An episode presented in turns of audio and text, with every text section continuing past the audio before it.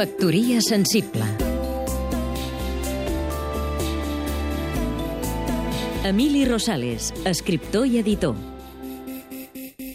Què fa un editor l'endemà de Sant Jordi? Si li ha anat molt bé, és el dia de les felicitacions i els plans optimistes. Si li ha anat malament o no tan bé com esperava, és el dia de la decepció, amb setmanes difícils per endavant. Però el més probable és que no li hagi anat ni bé ni malament, és a dir, que no ho sàpiga. Que tingui les bones sensacions naturals de la diada, en què tot és alegria i celebració i somriures, però encara no sàpiga amb prou precisió si els seus llibres han anat tan lluny com sembla.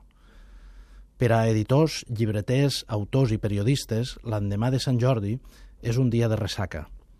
Molts la combaten mantenint una hiperactivitat que ja no té gaire sentit.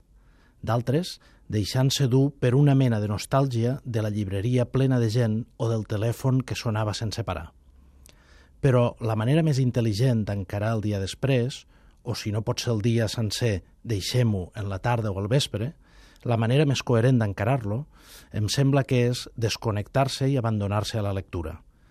Com faran molts dels nostres amics lectors i lectores que ahir es van fer amb el llibre que buscaven i els espera el festí d'una novel·la per encetar o la intensitat d'un poema que no sospitaven.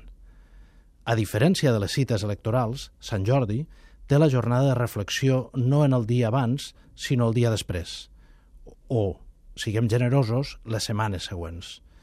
Així que, tant si ho fem habitualment com si no, és l'hora d'oblidar el brugit i l'estadística i de deixar-nos conquerir per la calma o per les passions, per l'aventura o per la invitació a pensar que ens proporciona la lectura.